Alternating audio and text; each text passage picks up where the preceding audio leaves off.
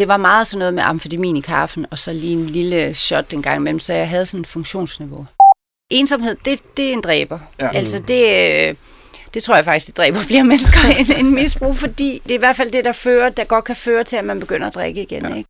Da jeg kommer tilbage og tager tilbagefald og falder om ude på gaden på Østerbrogade, der er ikke en, der kommer hen til mig. Og så kan jeg høre, at der er en dame, der siger et eller andet, og så er der en mand, der siger, nej, nej, jeg skal på arbejde, jeg har ikke tid. Mm. Altså, du ved, hvor det vil aldrig ske i Istegade.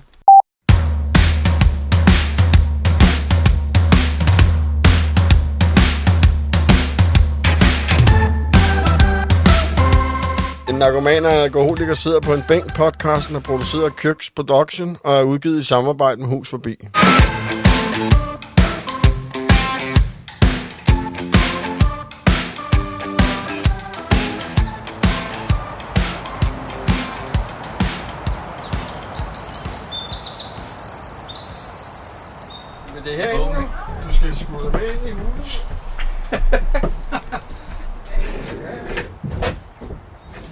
Ja, jeg har lige fået en lyd på, Lars. Vil jeg sige noget? Jeg kan også høre. Øh, ja. Kan du høre mig? Ja, og Jan. Så skal vi i gang med anden sæson jo. Det er jo spændende. Det glæder vi os til. Det bliver da spændende. Så, Er du klar? ja, Kør den, Markus. Jeg tror, vi kører, ja. Ja. Velkommen til podcasten Narkomaner og Alkoholiker sidder på en bænk. Jeg hedder Jan og er ædru alkoholiker på ja, 6,5 år plus. Og, Ja. og vi er i gang med sæson 2 nu. ja. Hey! Jeg hedder Lars og er narkoman, eller ja, eller har været clean i øh, over 14 år. Vi laver podcasten for at vise mennesket bag os. Ja, mens jeg mis- Og det, det er jo det, vi vil høre i dag. Mm. Om, øh, Ja, det er, hvor, hvor, hvor galt det kan gå, og måske hvorfor.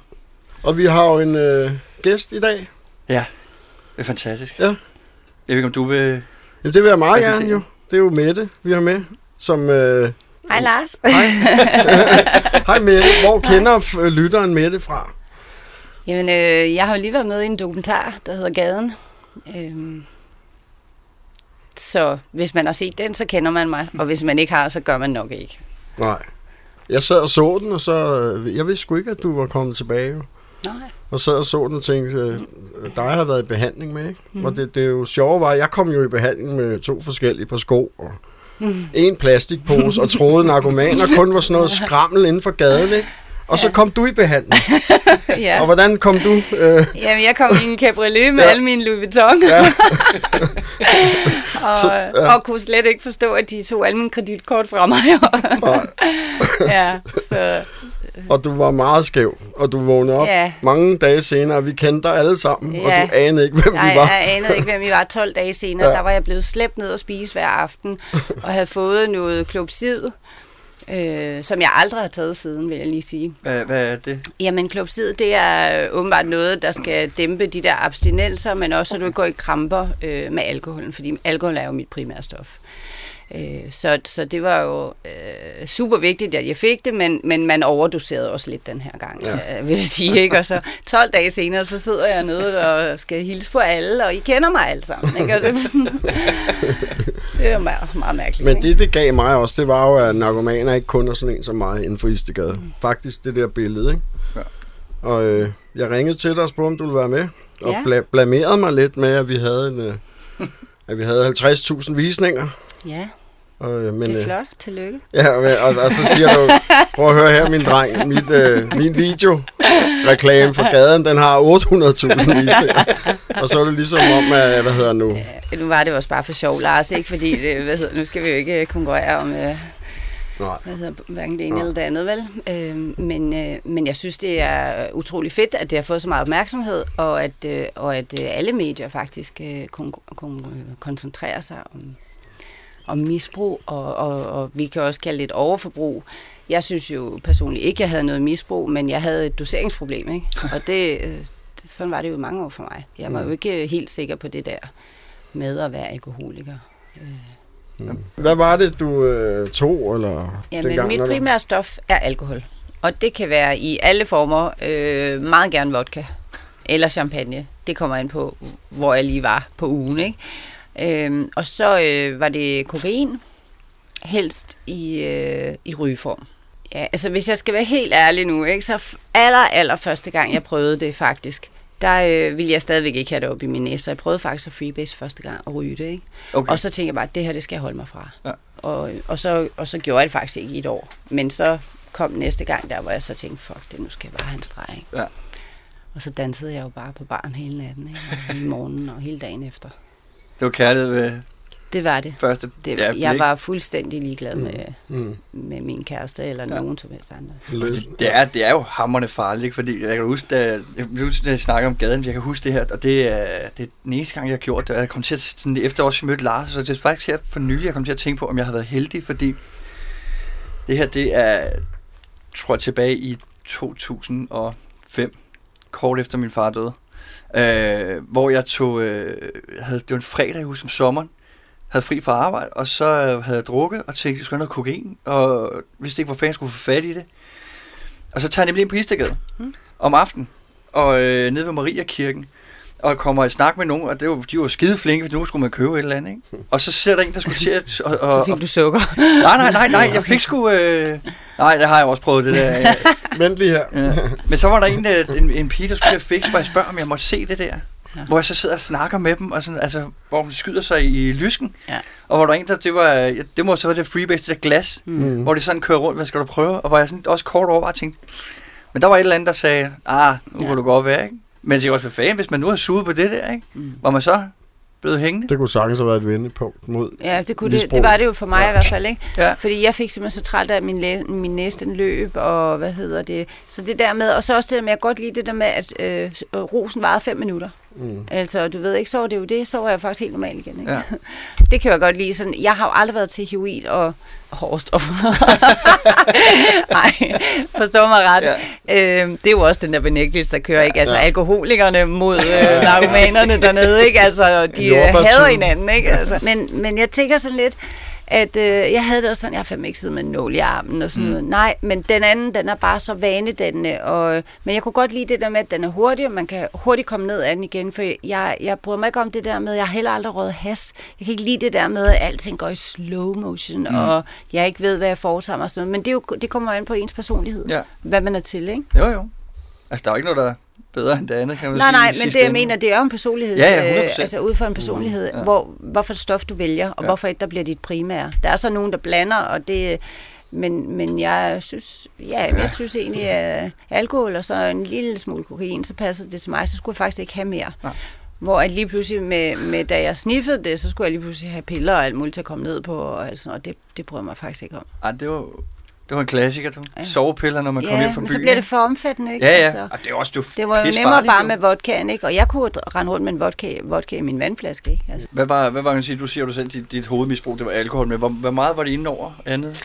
Jamen, jeg vil sige, at øh, da jeg første gang kom i behandling over i London, øh, på sådan et meget, meget fint sted, øh, hvor jeg faktisk kun blev, fordi de lukkede med, med hjørnesweeten, ikke? Og, og, og hvad hedder det? Så jeg, da alle de andre var færdige efter 28 dage, der skulle jeg altså lige have tre uger mere. De synes ikke, jeg var helt færdig, vel? Og jeg gik også ud og drak igen to dage efter de der syv uger, så den hjørnesweet og, og alt det der room service, det har ikke rigtig hjulpet. Men jeg vil så sige, at jeg rørte ikke kokain i 10 år.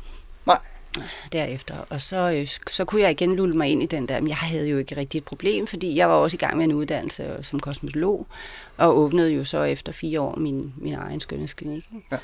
Så jeg kunne godt, øh, altså det der med at være selvstændig og så alkoholiker, det var også meget nemt, fordi så hænger man bare et skilt på døren, ikke, hvor der står lukket på grund af sygdom. Ikke?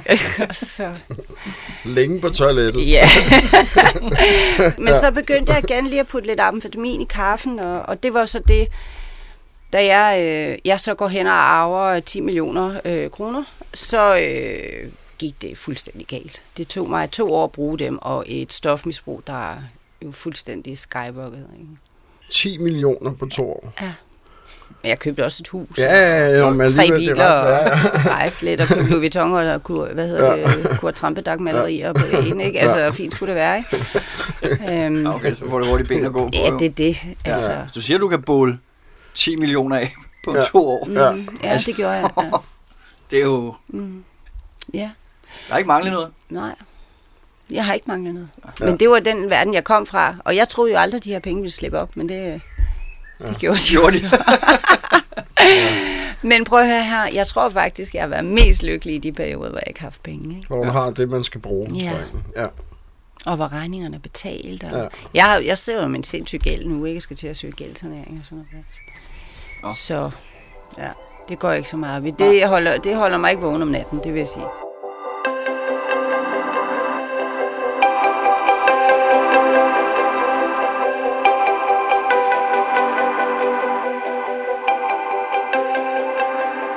Hvornår startede det med at gå, gå galt, hvis man kan sige det sådan? Altså, hvornår, hvornår kom tegnene? Altså, nu skal jeg jo lige inden om al den her benægtelse, jeg har kørende.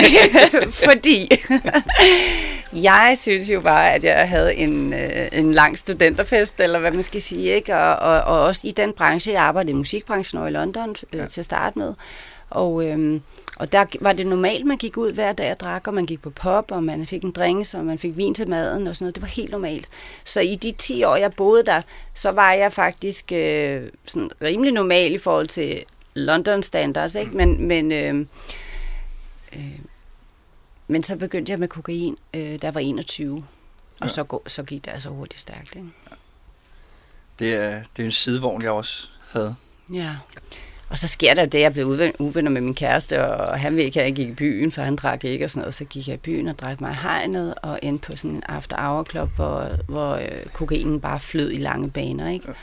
Og så var jeg solgt, ikke? Så var jeg et eller andet sted solgt, øh, så solgte jeg min, øh, min sjæl til djævlen, eller hvad man skal sige, ikke? Fordi det var bare... Øh, det var bare den der Superman-dragt, ikke mand? Jeg var, jeg var ikke bange for ham, og jeg var ikke bange for, øh, hvad hedder det, repressalierne og komme hjem, om han nu ville blive skidesur. Jeg var ligeglad. Altså, det var bare sådan, det var ret fedt at være ligeglad, når man er, øh, når man er så sensitiv, og, og hele tiden synes, man er forkert, og, og sådan noget, så var det jo Så, så var en, altså, hvordan havnede du i... Øh, altså, du er jo op fra Nordjylland ja, i dag, og ja, du er blevet min- 48 år i dag, ligesom. ja, jeg bliver 49. Og har to børn, og ja. ja. Ja. Så, Altså, Øh, min stedfar havde et firma derovre, så vi rejste hele, hele familien rejste sammen derovre. Ikke? og så endte du i... Så endte jeg, ja, så... Det er Ja. som måske mange piger går og drømmer om. Ja, jeg ved det ikke. Altså, det, der var, jeg var, det, der var jo op og ned tur, ikke? Ja. Men jeg kan huske, at jeg står ude foran Stringfeld og siger, der er sådan noget rød løber, halløj, og hvad hedder det? Og så er der en mand, der siger, ja, der kommer man aldrig nogensinde ind. Så du ved, han var helt starstruck, og så tænkte jeg bare, hvad snakker han om, mand, ikke? Og så, øh, ja, og så gik der jo ikke ret længe, så havde jeg mit eget bord derinde, ikke? Så det, man skal ikke sige til mig, at jeg ikke kan, fordi så bliver det spændende for mig, ikke? Hvor gammel var du, da du flyttede til England? 17. Der var du 17. Mm. Ja.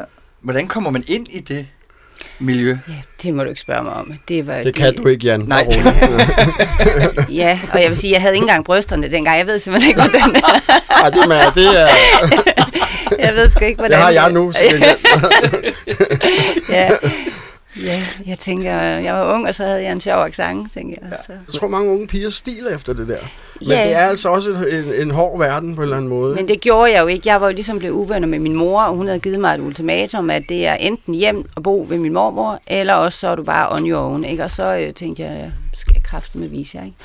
Og så tror jeg også bare det der med, jeg har jo også øh, haft et over, overforbrug af kærester, og hvad hedder det, og øh, de blev hurtigt skiftet ud, mm. sådan i takt med, øh, med det, jeg lige havde behov for den dag. Eller hvad man skal sige, ikke? Mm. Så det var også et misbrug der, måske? Ja, I hvert fald et overforbrug. Eller overforbrug, ja, ja det, undskyld. jeg vil sige, det er et overforbrug, ikke? Fordi, hvad hedder det, det går stærkt, ikke? Mm. Mm. Også når man er ung, det går stærkt. En Øh, hurtig verden. det er en hurtig verden, og især i London, ikke? Altså, ja, og jeg ved ikke, det var meget overfladisk. Altså, ja. det, det var det jo... Øh, altså, det var med at blive set de rigtige steder, have de rigtige tasker, og de rigtige smykker, og de rigtige uger, og, og, det, og det er jo ikke anderledes end der i dag. Det var bare fedt at prøve. Altså, det, hvis jeg sagde øh, noget andet, så ville jeg lyve, ikke? Det er da fedt at flyve rundt i privatfly. Og det er da fedt, at man ikke skal vise pas, når man kommer til Tokyo, eller hvad hedder det, ikke? Altså, det, det er da fedt at møde rockstjerner og få øh, hjælp til at lære at spille trommer af Elton John og sådan noget. Altså, prøv at høre, det er da bare, jeg har mega mange oplevelser. Øh, Altså, den, må jeg lige, har Elton John lært dig at spille trommer? Ja, ikke? Altså, Altså, ja, men øh, altså, sådan nogle ting har jeg prøvet. Det er da vanvittige ting. Jeg har rejst rundt med Bon Jovi, ikke? Altså, jeg, jeg har virkelig oplevet mange ting. Hvordan- Jeg skriver også snart en bog, vil lige sige. der er mange, der har spurgt. Jeg skal bare have fundet ja. den helt rigtige ghostwriter. Men, men det gør jeg, fordi der er bare mange fede ting i det her som, som jo egentlig overskygger det her misbrug, så, det ikke, så mærker man jo ikke, hvor slemt det er, fordi Nej. der er så mange fede ting. Ikke? Ja. Og det er jo det, der er mange, der også stiler efter nu. Det er det der perfekte liv med de perfekte oplevelser. Og Bon Jovi. Hvordan, hvordan kommer man i selskab med Bon Jovi? lige netop med Bon Jovi, det var sådan en helt unik historie, hvor jeg ikke havde fået VIP, og jeg tabte min sut, og så tænkte jeg, jeg gider ikke at se den her fucking kon- koncert, og der var 70.000 mennesker på Wembley, så jeg stiller mig ud i siden og møder så pressechefen, der er på vej ind i øh, backstage, og øh, så ender jeg med at få et backstage øh, pressekort, og så hænger jeg ud med dem i tre dage, og ender med at rejse med dem også, ikke? Og, og så kan de faktisk ikke komme ind på en, en natklub, der hedder Tramp, og så får jeg dem også ind der. Bon Jovi kunne ikke komme ind på en natklub. ukendte, ja. Efter at have spillet for 70.000 mennesker. Det var meget sjovt, men det er sådan en meget gammel klub i, i London, Ja. ja. hvor at man simpelthen sådan ikke kan få et medlemskab for love no money, ikke? Så, Det er kun spidserne. ja, så det var, det, og det er jo det, der har, det har været, det har været nogle fede oplevelser. Altså det, øh, Øhm, og så være en del af de her, øh, altså kendte mennesker har jo bare entourage, og det bliver man Ja. ja. altså betalt for. Ja. Altså selskab, eller hvad man siger, eller bare være jamen, til stede. Jamen, eller? altså, da jeg var i Brunei, ikke, og, og jeg har været i Brunei to omgange, hvor jeg sidder nede i det der såkaldte harem, men der er altså kun én mand, og vi er 100 kvinder, så det er meget øh, sjældent, at man overhovedet øh, bliver bedt om noget som helst Ja. ja. andet, og underholde og synge karaoke, og så sidder de ude og kigger, kongefamilien der sidder og kigger Men ind altså, på os, ikke? Ja. Og det er jo, så flyver vi rundt med dem, og vi shopper, og så kommer Elton John over og skal lære dem at spille trommer, og hvad hedder Michael Jackson holdt koncert, og hvad hedder det, altså det, der var jo fri bar, ikke også? Der var jo lyserød Dom Pignon, som jeg er jo en af mine... Øh, øh, det, og, øh, og jeg... Øh, nej, det måtte man selv om, men øh, der, øh, jeg, jeg drak jo så mere end de fleste. Og det var jo så også det, der blev et problem, fordi de gjorde de andre faktisk ikke. Men, men for at stille mig op og så synge karaoke foran de her 100 kvinder og kongefamilien, øh, og jeg var lige ankommet med et fly, jeg havde jetlag og sådan noget, så skulle jeg bare have noget inden for Vesten, og så blev det ligesom, så blev stilen lagt. Og så drak jeg, altså der var jo fri bar, og vi skulle jo være der, vi skulle møde op, altså du skal møde derinde, det er jo ligesom et arbejde, hvor du møder op, og så skulle du være der, øh, du skulle have spist og dullet dig op, og alt det skulle du sidde derinde til pynt øh, om aftenen, og være, og være aftens underholdning på en eller anden måde. Ikke? Og det, det, der fik de nok deres penge, øh, i hvert fald dækket ind, fordi når jeg blev stiv, ikke, så, Så var du underholdende. så underholdt jeg dem alle sammen. Ja. Og så begyndte nogle af pigerne jo at blive en lille smule jaloux, som det jo så er, når man bliver singled out, når man så ligesom bliver, bliver en af favoritterne. Og, det var, og, det var, og så bliver det ensomt derinde. Og så græd jeg bare, at jeg ville hjem. Ja. Ja. Og jeg ringede til min mor og sagde, at jeg var bare hjem nu. Så var det lige pludselig ikke sjovt mere. Og så var jeg egentlig fuldstændig ligeglad med pengene Ja. igen. Ikke? Øhm, Hvad, hvad fik du for sådan noget? Altså, jamen, jeg, jeg fik jo så 4,5 millioner for den periode, jeg var der. Ikke? det er også... Mm. Altså, Og så du fik 4,5 millioner for at lære at Ja. spille trommer Elton John. Nej, det, jeg, jeg, jeg havde sex én gang. Ja. jeg, Ja. jeg, jeg tog dip i poolen med, Ja. med... sultanen. Det er jo de færreste mennesker, der kommer til at prøve at sidde i et palads, hvor at vaserne har diamanter og ædelstene, og dit øh, øh, sengetæppe er lavet af lilla, eller sobel, der er farvet lilla, ikke? og hvad hedder det, at room service kan være alt i hele verden, der bare bliver fløjet ind. Ikke? Altså, det er meget, altså, det er jo en fuldstændig sindssyg... Øh, øh, Altså, der, Luksus. Jeg, ja, men jeg kan slet ikke forklare den luksus. Det er jo rigdom, som man overhovedet aldrig nogensinde Ja. har hørt om herhjemme i Danmark. Mm. Det er jo en utrolig kontrast i forhold til så at sidde i gaden, Ja. Øh, uden ja. en krone på lommen. Ikke? Og Ja, det skulle, er jo kæmpe. Og skulle øh, kæmpe sig til at, Overleve. at overleve. Ja. Men der er også noget overlevelse i at være i den, øh, altså i den anden genre, fordi der følte jeg mig jo heller ikke rigtig en del af. Der var lige så meget ensomhed. ja, der var det. også meget ensomhed. Ja. Ja. Så Men det mærker du ikke så meget dengang, fordi der var så mange penge. Og, der var så mange penge, og ja. Og, ja, og, altså penge og prestige, det, jeg tror, jeg mistede mig selv i det. Mm. Det er også Det kunne jeg godt forestille mig, at man gjorde, fordi det hele er så overdådigt, ikke? Man glemmer at holde Ja, og fødderne... overfladisk, ikke også? Ja, ja, Altså, ja, ja. Det, det er, at man mister sig selv i, i hele tiden det der kapløb om at få mere og Ja. ja. mere prestige. Ja. Og, Men det er også mere det der, som man bare kan ja, bruge 20.000 uden at bare overveje et splitsekund, om det her det er fornuftigt. jamen Tænker det, jeg. og det er jo, der, og Altså, det er jo det er jo derfra, farligt, det kommer, ikke også? Det er Ja. jo der, Det er jo derfor, det kommer. Det er, at jeg har jo slet ikke Så ikke nogen forstand. jeg er ikke, jeg har slet ikke forstand på penge. Altså, det er, det, er, det er virkelig stadigvæk ikke særlig godt. jo, Men det havde jeg med ude ja. fra staden af, hvor vi fik så mange penge for ikke, ingenting. Ikke? Det, er jo stadig, det kæmper jeg jo stadig med. Jeg er heller ikke, jeg er ikke god til økonomi. Men jeg har også prøvet at lave 25.000 nede i Istegade. Ja. Altså, og så delte jeg ud. Så delte jeg med Ja. dem alle sammen. Ikke? Og dagen efter havde vi ingenting igen. Ikke? Og sådan var det også bare dernede nogle gange. Ikke? Og jeg har også oplevet med nogle hjemløse, som jeg kender dernede. Som faktisk ikke rigtig er hjemløse, men du ved, de har en lejlighed. Ikke? Men øh, der var en kvinde dernede, som øh, hun kunne faktisk ikke særlig godt lide mig, men alligevel så har jeg gået og været så uselig et stykke tid. Så til min fødselsdag, så kom hun simpelthen med et helt nyt sæt tøj med jakke og Nike-sko og det hele. Alt i, i mit størrelse. Jeg vidste slet ikke, hvordan hun... Altså, det var bare så fedt det der, og jeg var bare ved at græde af, af glæde, men over, at øh, hun tænkte på mig, ikke altså. Mm. Jamen, jeg sidder, jeg bliver helt Jamen, betaget af dig. ja, det er jo også, fordi jeg har kendt dig i så mange år. Altså, det er jo, Hvor mange år har I kendt hinanden først? Hvornår mødte I hinanden først? Det var- Jeg, jeg var i behandling i 2005, jo. Ja, det var der. Ja. Og der kom med det jo. Med, og det gav mig sådan et syn på, og kæft, narkomaner er sgu ikke sådan nogen øh, inden for Istegade kun. Altså, jeg vil sige, du er jo en kæmpe støtte for mig. Du var jo øh, over i den der kategori, hvor man havde øh, haft så lang tid, at man skulle hjælpe de nye. Ja, og nemlig. Noget, ikke? Ja, ja. Og hvad hedder det? Og det, der var fedt, altså, eller det, der er fedt nu, jeg kan se, det er det der med, at når man kommer kommer sådan et sted hen, så er, det, så er det misbruget, vi har i centrum. Det er lige meget, hvor vi kommer fra, hvor meget vi ejer, hvor lidt vi ejer, og alle de her ting. Ikke? Og, og, og det synes jeg er fedt, det der med, at vi kan hjælpe hinanden, og hvad vi vil, vil gøre mm. ved problemet. Ikke? Ja. Og det gjorde du. Du hjalp mig rigtig meget. Og vi har jo, vi har jo mødtes, vores veje har jo mødtes mange gange Mm, ja. øh, siden da. Ikke? ja. Og det var jo, øh, ja. Hvor lang tid har du øh, nu? Altså, hvad dato har vi i dag? Den 11. Ja. Så har jeg 14 måneder og 5 dage. Ah, det er stærkt. Ja. Tillykke med det. Tak. Ja. Ja. ja.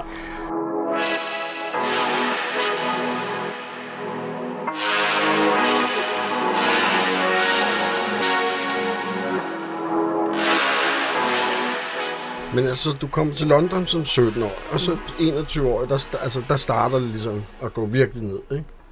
Ja, Og- og- altså og så som kører- 21 der, der går det ikke ned, der starter mit misbrug. Der starter misbruget, ja. ja, og så kører det bare i sådan en Så lang... kører det i fire år, inden Ja. jeg kommer i behandling her. Ja, Altså i starten var det jo bare streger, kan man sige, bare bare, ikke? Men, men øh, så flyttede jeg min pusher ind, og så øh, freebasede jeg derudad.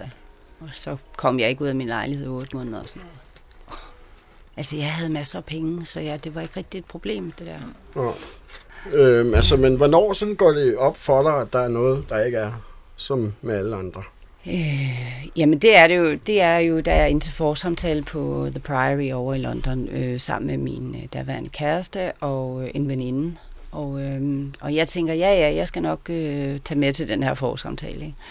Og det er til behandling, undskyld. Ja, det er ja. til behandling, ikke? Og hvad hedder det? Og så øh, sidder der nogle terapeuter derinde og, og hører min historie og spørger mig, stiller mig en masse spørgsmål.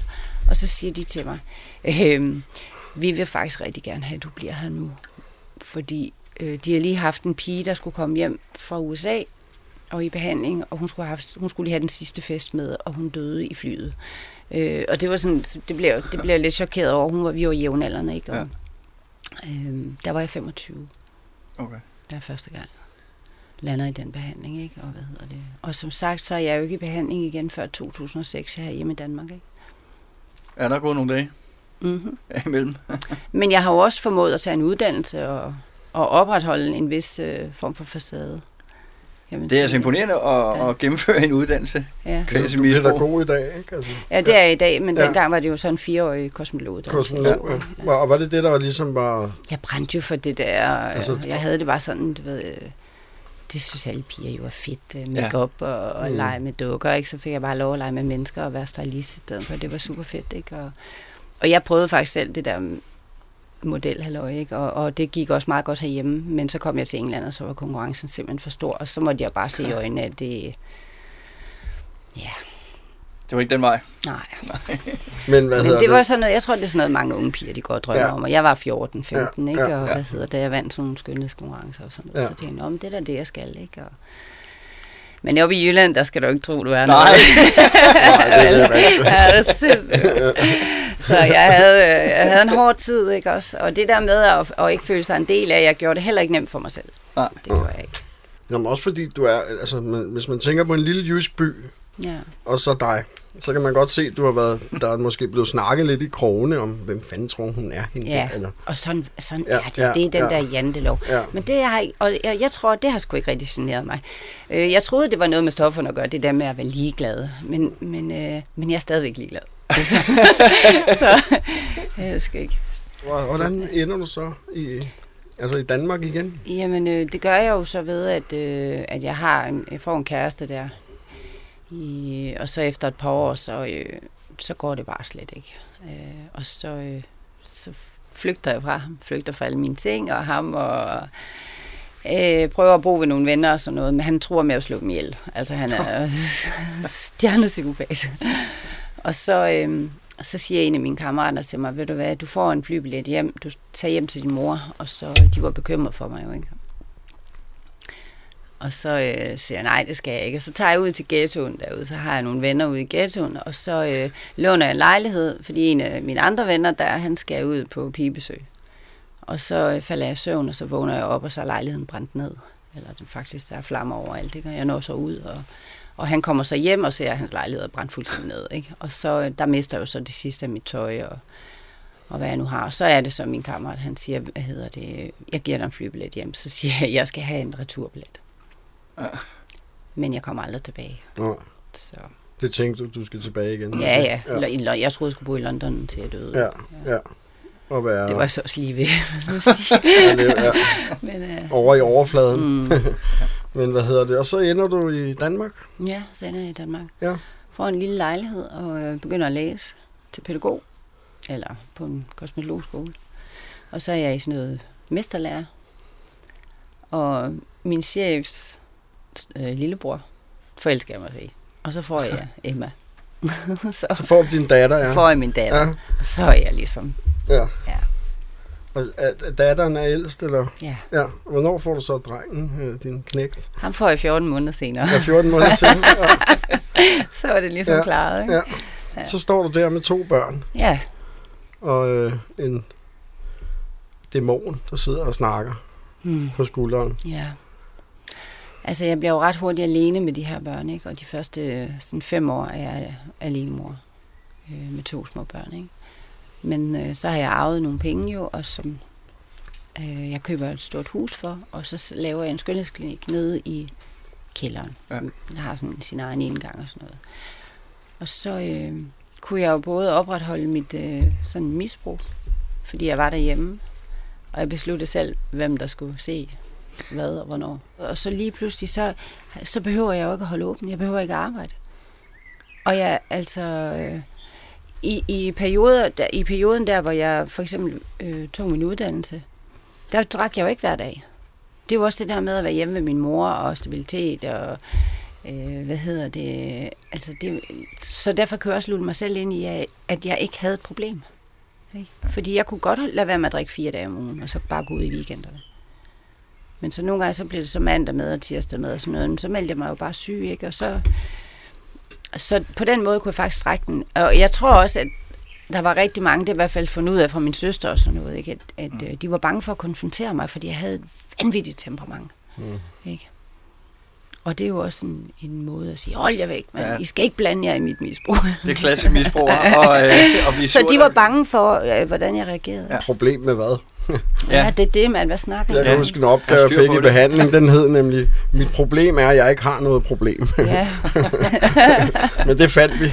ja. Men det var meget sådan noget med amfetamin i kaffen, og så lige en lille shot en gang imellem, så jeg havde sådan et funktionsniveau. Mm. Og det kan jeg huske, det har jeg faktisk talt med nogen om senere hen. Jamen, øh, Mette, tror du ikke bare, du skal... Øh, altså, måske skal du ikke være helt clean, eller helt ædru, eller sådan noget. Problemet med alkohol er, at du kan jo ikke bare, altså, sådan, ah, men du ser, nu skal jeg bare have Nej. en flaske vin i dag. Det, går, det, det kan man bare ikke med alkohol. Der er ikke noget substitution på den måde, vel? Og der findes nogen, der kun vil have en. Det er også meget mærkeligt. Ja, det, Jo, jo, men- det er jo også meget mærkeligt. Ja. Ja, det er ikke til at forstå. Nej. Men det er jo den der funktionspromille. Du, kunne- det er jo ikke bare lige at sige, Nej. nu skal jeg have to i timen, Ja. og så kører det sådan lidt. Men jeg tror jo, i mange år har jeg faktisk øh, levet med en, en funktion, altså sådan funktionspromille, eller hvad Ja. man skal kalde det. det er jo meget svært ord, det der. Men, øh, men øh, det, det er gået meget godt i Det mange gjorde år. du jo også, Jan. Ja, ja. Det var jo, altså... når man vågner om morgenen, så var man jo bagstiv, ikke? Det er jo så ikke så godt, når man kører lastbil, jo, kan man sige. Men jeg drak jo ikke, altså mens jeg arbejdede, men det var også fordi, man havde tømmer med for det meste, ikke? Men altså, lige snart man er fri, så kørte den igen, jo, ikke? Ja. Så det var også plus 10 år, i hvert fald, man ikke har været, Mm. man ikke har været sig selv, ikke? Eller givet mu- muligheden for det, ikke? Kun lige afbrudt af de pauser der, hvor man prøvede med antibus, ikke? Men det var Ja. de der to og en halv måned, tror jeg, det er, eller Mm. sådan noget, ikke? Men det var edderbank med også hårdt, ikke? Ja. Og Og som vi jeg- snakkede om, ja. at når man så er færdig med de to og en halv måneder, så får den en over nakken. Ja. Og så, det er, som jeg så det, eller det, som jeg havde det dengang, det var jo nemlig, at når man så afsluttede antibus, og så kunne man begynde igen, så kan det godt være i hverdagen, at man lige kunne nøjes med to-tre øl eller sådan et eller andet, ikke? men der gik jo ikke 14 dage, så sad man jo lige tilbage og drak det arm samme antal som før, jo. Ja. Hvordan gør man det? Det har jeg aldrig prøvet. Hvad hvad? Jeg nøjes med to tre. jeg ved ikke også, om det var bare stedighed eller sådan noget, men det var jo kun øh, jamen, få, få uger, hvis det Er var du overhovedet bare sikker på, at du er ærlig nu, Jan? det ved jeg faktisk ikke, når jeg Du tænker er på det. alkoholiker for helvede. Men det, er jo, men det er jo det der med, med kokainen igen, ikke? Så er vi tilbage ved kokain eller amfetamin, og det gør jo altså også, at man bliver bare mere ædru. Altså man vågner Ja. op på en eller anden måde, og man går ikke og snøvler, og hvad. Nej. hedder det? Altså jeg har, jo, jeg har jo præsteret at blive stoppet af politiet, hvor jeg faktisk har drukket. Øh, og det er ikke noget, jeg er særlig stolt af, men, men nu kommer det. Ja. Og hvad hedder det? Og så siger de til mig, øh, god aften, du ved, øh, hvad, har du drukket i dag? Og så sagde jeg bare, ikke mere end jeg plejer, sagde jeg dem, ikke? Og så fik jeg lov at køre videre, ikke? Og jeg tænker også nogle gange, altså det er med mig også øh, heldigt, at der ikke er sket mere, ikke? Jo. Men, Ja. men man føler sig jo øh, ædru, kan man sige, når man har taget de der stoffer. Ja, ja, ja. ikke? Men det er jo også det der dobbeltliv, I har levet. Også dig, Jan. Mm. Ikke? Det gjorde jeg jo ikke, jo. Jeg var bare, alle vidste jo. Ja, Jeg ja. var narkoman på nær mig selv. Mm. Men der endte jeg jo så også, Ja. fordi den er jo progressiv, ikke? ja, Ja. det er det. Ja. Men det er jo også det, som jeg sagde, det, hvor jeg sagde, altså jeg har jo har aldrig rigtig drukket, mens jeg har været på arbejde, fordi at jeg, altså jeg har ikke kørt rundt i lastbilen og drukket øl, mens jeg var på arbejde, men jeg har til gengæld sniffet kokain, mens jeg Ja. kørte rundt i lastbilen, ikke? fordi jeg jo ikke sløv på samme måde som alkohol, og jeg gjorde det værste der, jeg gjorde det med god samvittighed. Jeg lå og bullede rundt i en 32 tons tung lastbil i Inderby, Ja. fuldstændig blæst på kokain, og havde det altså okay med det. Mm. Det skal lige siges, det har jeg ikke. Altså, dag synes jeg, det er, jo- det er dybt forfærdeligt, jo, ikke? og det, der er også mange, der det gør det. også, ja. Det er dybt forfærdeligt. Ja, det er det. Jeg vil Men- så sige, jeg gjorde så det i min skønhedsklinik, at jeg serverede simpelthen vin. og så, eh, så var det sådan et tilbud om fredagen, at man kunne få noget vin, og så alle de andre dage holdt jeg lukket, ikke? Så det ikke? Så. Åben det fredag mod- fra 12 til 14, og ikke andet. Kommer for vin. og så står der bare syg og på toilettet. Kommer om lidt. Ved. metoder, ikke? Ja. Ja. Men det er det, der er forfærdeligt ved den her som sygdom, hvis vi kan kalde det sådan nu. Det er jo de ting, man udsætter sig selv for og for andre, og man gør det sådan ikke, ikke med god samvittighed, men man, man kan jo ikke rigtig se noget problem i det.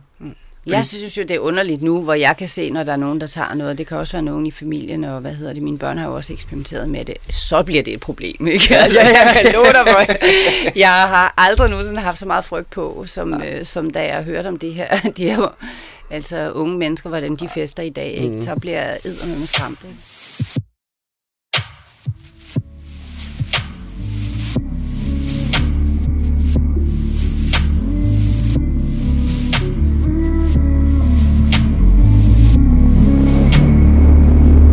Gaden er faktisk egentlig hele dit liv på en eller anden måde. At du ender i Istegade, og så bliver du... Man Ja, ja. følger dig jo faktisk til, du er Nej, får ja, liv. men det er jo også fordi, jeg er jo i Istegade i et år, i 2017. Og øh, jeg tager simpelthen derned, fordi jeg ikke har sted at bo, og så bliver jeg der. Og jeg så, at der var mange andre, der blev der, og så købte jeg nogle stoffer, og så fandt jeg ud af, Nå, men det må jo så være her, man er, når man ikke har. Og der er jo også et fællesskab dernede, ikke? Øh, når det så er sagt, så øh, møder jeg så øh, øh, en fra hvad hedder det, produktionsselskabet Impact, som er nede og laver research. Og øh, vi, vi taler sammen i øh, flere måneder, altså et par- øh, to-tre måneder, før at vi endelig skal til at prøvefilme. Og der har jeg taget en beslutning om, at jeg skal væk fra gaden, fordi jeg kan simpelthen ikke holde til det mere. Så vi filmer kun i gaden den ene gang, hvor man lige ser i starten af gaden i en gule jakke, hvor jeg sidder på den der. Det er den eneste gang, at jeg faktisk bor dernede, fordi så er jeg væk. Og så tager jeg et tilbagefald, et kortvarigt tilbagefald hver tredje måned på det første år. Det vil sige fire tilbagefald. Mm. men det er væk fra gaden. Jeg søger så lige derned, og det er så det, man har baseret alle tre afsnit på nærmest. ja, ja. Men stort set er jeg jo clean i to år, ikke? Ja, der har ja. bare været nogle, nogle upser på vejen, ikke? Og ja. det har været i forbindelse med begge mine flytninger. Mm. For jeg er jo også blevet flyttet lidt rundt med, ikke? Og det, ja. sådan nogle stressperioder, ikke? Ja. Prøv at fortælle sådan en dag med dit misbrug. Altså, hvordan var det? Øh, jamen, der var jo ikke så mange, der opdagede det i starten, Nå. fordi det var jo sådan noget med, at... Øh, altså, for det første, så, øh, så er det jo sådan noget med, at man går med de mennesker, som også gør det. Så man kan jo ja. blive ved med at opretholde det her med, at det er normalt. Øh, og det ikke er så slemt og sådan noget, ikke? Og, og det synes jeg faktisk ikke, det var. Det var jo nogle, hele tiden nogle andre, der ville have mig i behandling. Det var jo ikke mig, der ville behandling. Jeg synes jo, det gik meget godt. Ikke? og det, det er jo sådan lidt et eksempel på også, når jeg, når jeg nu altså sidder og så kigger på mig selv i, et, på det der billede fra gaden af, så, øh, så ligner, så kan jeg slet ikke genkende mig selv. Ikke? Og det er jo igen det der selvbillede, man har, ikke? Hvordan, øh, hvordan man ser sig selv i spejlet, og hvordan det virkelig er. Ikke? Og det, det var en opvågning for mig, det må jeg sige. Og det er et stærkt program. Ja, altså, jeg vil råde enhver, der hører det her, til at gå ind og se det. Ja. Hold nu kæft. Og specielt det. med børn, der er ved at ramme teenageårene, der måske tænker sig at eksperimentere med, ja, ja. med også et meget, meget stærkt program. Altså. Hvor gamle er dine børn i dag? Altså, min, øh, min datter er blevet 20, ja. og min søn han bliver 19 her i juli. Og de har jo gået i tuba i mange år. Øh, især Emma har tuba gået i tuba, er, hvad, fantastisk. Hvad er tuba? Jamen, tuba er jo for børn af, ja. af misbrug, okay, og, ja. hvad skal man kalde alkoholikere og, ja. og stofmisbrug eller stofbrugere. Jeg er ikke så glad for det der misbrug. Jeg synes også, når jeg kalder mig selv misbruger, det, jeg, jeg kan godt mærke, at jeg bliver ked af det bagefter, mm. ikke? fordi det, jeg, jeg har jo bare et, øh, et doseringsproblem, som jeg var inde på før. Ikke? Jeg har jo forindvandet stofbruger, ikke? Og, og der er jo mange, der lever velfungerende liv med stof mm. og, og alkohol. Ikke? Og det skal man ikke. Jeg tror ikke på, at alle skal være clean og ædru. Det gør jeg ikke. Og jeg har også arbejdet med mennesker, der ikke skal være clean og ædru. De skal bare have det godt, ikke? Men jeg var bare et sted, hvor jeg var så destruktiv, at det var, det var ikke det var ikke hensigtsmæssigt for mig at være der. Jeg, det, for mig er det alt eller intet. Ja, enten eller ja. ja. Men det er det ikke for alle, og det skal vi jo bare respektere. Ikke? Ja, 100 procent. Jamen, jeg giver dig ret i, fordi det er også det, da jeg vågnede op og kom ud af behandlingen, så tænker jeg, alle skal det her. Mm. vil du dø, eller vil du være clean, du ved, agtigt, ikke? Og, og så bliver man mere rundt med årene, og kan jo godt ja. se, at, ja. at, nu, og alle har jo ret til et liv på deres måde, mm. bare man har det bedre jo. Ja, altså, det handler om trivsel, ikke? Ja, lige præcis. Ja, ja, ja. Og hvis du ikke trives selv, så kan du heller ikke være noget for andre at være et godt menneske. Jo. Så, så der nu. Men altså, de var i tube, og det er faktisk det, der har... Mm Altså. altså Emma har jo fået enormt meget øh, støtte i Tuba og er lige blevet flyttet til Københavns afdeling, og selvom hun er 20, så får hun stadigvæk hjælp. Ikke? Og det kan jeg kun anbefale, at, øh, at man... Øh, altså jeg har ikke haft mere benægtelse, end jeg godt vidste, at mine børn skulle også have noget hjælp. Ikke? Mm. Så det, var, det er noget af det bedste, jeg har gjort som aktiv misbrug. Ikke? Er du bange for, at de også skal falde i, hvis man kan sige det sådan? Eller tror ikke du, min tror datter. Du... Nej, Nej, ikke min datter. Jeg kunne godt være bekymret for min søn jo, ikke? Ja. Altså, fordi han er jo ligesom mig. Han er jo fandme snydt ud af næsen på mig, ikke? Og jeg kan jo godt se, at han er festglad. Mm.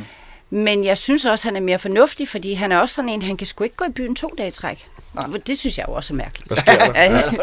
ja. Fordi ja. det, det, det kunne jeg jo... Jeg har jo gået i byen en uge i træk. Ikke? Et år. Ja, et år. Et år i to år i træk. ja, ja, ja, det er det. Sådan ja. blev det jo, ikke? Ja. Men, men, øh, men han har jo mig, og det, det var også det, faktisk en af vores gode venner sagde, jamen de har noget, som du ikke havde, de har dig, ikke? Og hvad hedder det, det er rigtigt, jeg, vil jo, jeg er jo vogter over dem som en hø, ikke? men jeg kan også godt se, at de skal også have lov at, at gå ud og få mm. en enkelt øl og sådan noget. Det, Mærk livet. Ja, selvfølgelig. Ja, ja. Det skal de da. Tror du, de er bedre rustet til... Det håber jeg, at de bliver. Ja. Det gør det. Ellers så er det deres røv i behandling, ikke? Ja. Så kører dem selv, ikke? Ja. Ja, fordi jeg tænker nemlig, fordi nu, men altså det med at snakke gruppepres, og, og hvis de er gymnasier og sådan noget, altså stoffer florerer jo mm. sindssygt mange steder. Ja. Tror du, de har en, en større, hvad kan man sige, ballast til at sige fra? Altså min datter er gået i den anden grøft. Hun ja. er fuldstændig modstander, ikke? Ja. Men, øh, men min søn, han, øh, han fester meget. Han, øh, han vil mm. gerne være Gilly? Nå, ja. ja. Så, Kør i en bil derude. ja, ja. ja, tak. Han er ja. ved at tage kørekort nu, så det bliver... Men det er jo, man kan, men det ser man også i udsendelsen, jo, at dine børn kommer ligesom tilbage, og jeg synes, det er... Ja, og det har der været lidt kritik af, at de har været med, men det har de altså selv besluttet. Og så øh, vil jeg sige, fordi jeg har talt om dem hele tiden, og øh, da det ikke så ud, som om jeg skulle overleve, så lige pludselig, så så det ud til, at jeg faktisk skulle få mit liv tilbage. Og så bragte vi dem jo sådan lidt med ind i det, fordi de selv ville, og de ønskede jo ligesom at sige, hey, hvad hedder det, vi står fandme ved vores mor. Men også øh, ligesom, øh, og, og ligesom at, at, at give deres øh, bidrag til, hvordan det er at være barn. An, Ja. øh, øh, altså, Det synes jeg er så sejt, de med. Ja, Ja. 100 Og, procent. fordi man sidder også og venter på men, det. men jeg nu, har ikke presset dem til det. Ah, Det er noget, ah, de selv ja, ville, ja, ikke? Og hvad ja. hedder det? Og produktionsselskabet synes jeg også var en god idé, fordi nu har jeg talt om de her børn, men man har ikke set dem, ikke? Så, mm, og, og jeg er god til at fortælle historier, ikke? Ja, så nu skal vi lige se, om vi, om vi nu har hun nu har to børn, ikke? Hvordan var det at se sig selv? Det var forfærdeligt. Ja. Jeg har ikke, øh, og jeg har heller ikke dyrket det, vil jeg sige. Jeg har heller ikke, øh, beklager, men jeg har heller ikke været inde og læse øh, kommentarerne, fordi jeg tænkte, jeg vil ikke blive ked af det, og Nej. jeg har så hørt, at de har været gode. Men, Ja, ja. men, men altså, det har været, jeg har ikke rigtig dyrket det, og jeg har heldigvis også øh, haft mit arbejde at fordybe mig i, så, fordi det var en svær periode, jeg blev nødt til at passe på mig selv på en eller anden måde, ikke? og det var også svært at gå uden for min dør, og, og alle lige pludselig vidste, hvem jeg var, Ja. og hvad jeg havde lavet, og ja, og set mig sådan der, ikke? Jamen, det er jo også det er jo en, en, en, en sindssyg historie. Ja, men det er Stærkt. Det er Ja. Jamen, virkelig, det er- ja, Ja. det er virkelig et stærkt ja. program. Ja. Ja, jamen, det blev... Det, det, satte, det satte virkelig mange følelser i gang. Ja. Altså både genkendelse, men også Mm. det der med at se aktivt i det, ikke? Mm. Det er helt Det var- vildt, det de var- sidder på mændenes hjem, og han synger ham der. Mm. Og han Ja, sidder ham der ved siden ja. af. Du Men det er bare den der det, er det, man stemning. prøver bare at Ja. overleve og, Ja. og, Ja. og skabe en stemning, fordi Ja. du har ikke andet end Ja. det der, og Ja. du lever i nuet, ikke? Og hvad Ja. hedder det, hvis du har stoffer? Og hvis ikke du har, så lever du for det næste, Ja, ja, øh, den næste ros, ikke? Fordi så kan du glemme alt det der. ja. Øh, det er fandme ikke sjovt. Kæft, hvor er det godt, du er tilbage. Ja, grunden til, at jeg lavede det program, det var jo fordi, at jeg ikke troede, jeg ville overleve. Øh, og det gjorde min familie heller ikke. Jeg har ikke, jeg har ikke talt med dem rigtig længe, og så... Øh, jeg bliver sådan lidt rørt, når jeg, når jeg taler om det, fordi det var mit farvel til mine børn. Mm. Øh, jeg ville have, at de skulle vide, at, øh, at jeg tænkte på dem, og at jeg elskede dem, og de var med mig. Altså. Og det er jo også det første, min søn, han sagde, han brød grædende sammen og siger, mor, vi, vi vidste slet ikke, at du, øh, Ja. at du tænkte så meget på os, og, og det var bare fedt at vide nu. Og det var også fedt for dem at vide, altså lige pludselig, at, at deres venner kunne se, at de har ikke haft det nemt, fordi der er ikke rigtig nogen, der har troet på, at de havde det svært. Fordi der er ikke nogen, der vidste, hvor, hvor galt det var med mig, vel? Så Puha. Ja. Ja. Bliver du genkendt for det i dag? ja. Hvordan har du det med, med det? Jamen, folk er så søde. Så Ja. der, Jamen- jeg har det faktisk godt med det. Og jeg står også, som, som jeg har sagt før, jeg står ved mig selv nu, ikke? Og, og, øhm, og hvis der er nogen, der har et problem med mig, så, øh, så kom til mig. Så skal jeg, hvis jeg har lavet et eller andet lort, jeg har været ude og spise frokost i dag, hvor jeg måtte undskylde, ikke? Og, og nogle gange, så er det, vi, vi kan lave de her berømte trin, eller hvad? Og så lave en liste over de mennesker, vi har gjort for træde, ikke? Og nogle gange, så kommer de bare selv, og så er tiden bare inde til, at man skal sige Ja. undskyld. Og jeg, har fået, jeg får det bedre. Jo mere jeg får ryddet op i mit liv, og, og så har jeg ikke det, så kan jeg, så kan jeg stå op om morgenen og se mig selv i øjnene. Det er fantastisk. ja. Nu ved jeg jo, at du, du har jo været kæmpet nogle gange, Mm. og kommet op til overfladen og så ned igen, ikke? Ja. Hvad Jeg nu? kæmpede i fire år, der var jeg ind og ud af behandlingssystemet, Ja, ja, ja. ikke? Og hvad hedder det? Men hver eneste gang, jeg blev clean, fordi det var faktisk ikke noget problem for mig, øh, så blev jeg udskrevet til gaden. Altså, det vil sige, øh, det kunne være en sofa, eller det kunne være hjemme ved min mor, eller sådan noget, men jeg havde ikke min egen bolig, og det var enormt stressende. Øh, Og jeg Mm. kunne ikke se mine børn rigtigt, altså, det var... Så blev jeg nødt til at sige til dem, at nu skal vi altså gøre noget andet. Nu skal vi... Øhm, nu skal vi, det kan ikke nytte noget, det der med at gøre det samme og forvente et andet resultat, så nu skal vi prøve det her med at få en bolig. Og, og det var jo så også det, der skete den her gang. Jeg fik faktisk boligen først, ikke? og så havde jeg lige nogle tilbagefald, og så, så var den der. Så sad den i Så skabet. sad den i skabet. Mm, ja, det gjorde den. Og man må sige, hvis der er en Gud, så har han givet dig en bolig et sted, hvor du godt vil være. Ja. Jeg fik en i Husum, jo. Ja, Du har en på Østerbro Ja. i et meget svært sted at komme ja ind. Med have. Med have og hele lortet, ja? Det er ja, fantastisk, Jeg har været enormt privilegeret, det Ja, må jeg sige. ja. Der, jeg kunne ikke have, have ønsket mig noget bedre sted. Jeg vidste øh, ikke engang, det eksisterede. Men det der lille stakit og sådan noget, det er meget romantisk. Jeg synes, det er, det er så fedt. Ikke? Og, og så skulle jeg jo have en hund, og så har jeg så fået en kat. Gud har sagt, det er hun sgu ikke klar til endnu. Ikke? så jeg fik sgu lige en kat der i stedet for.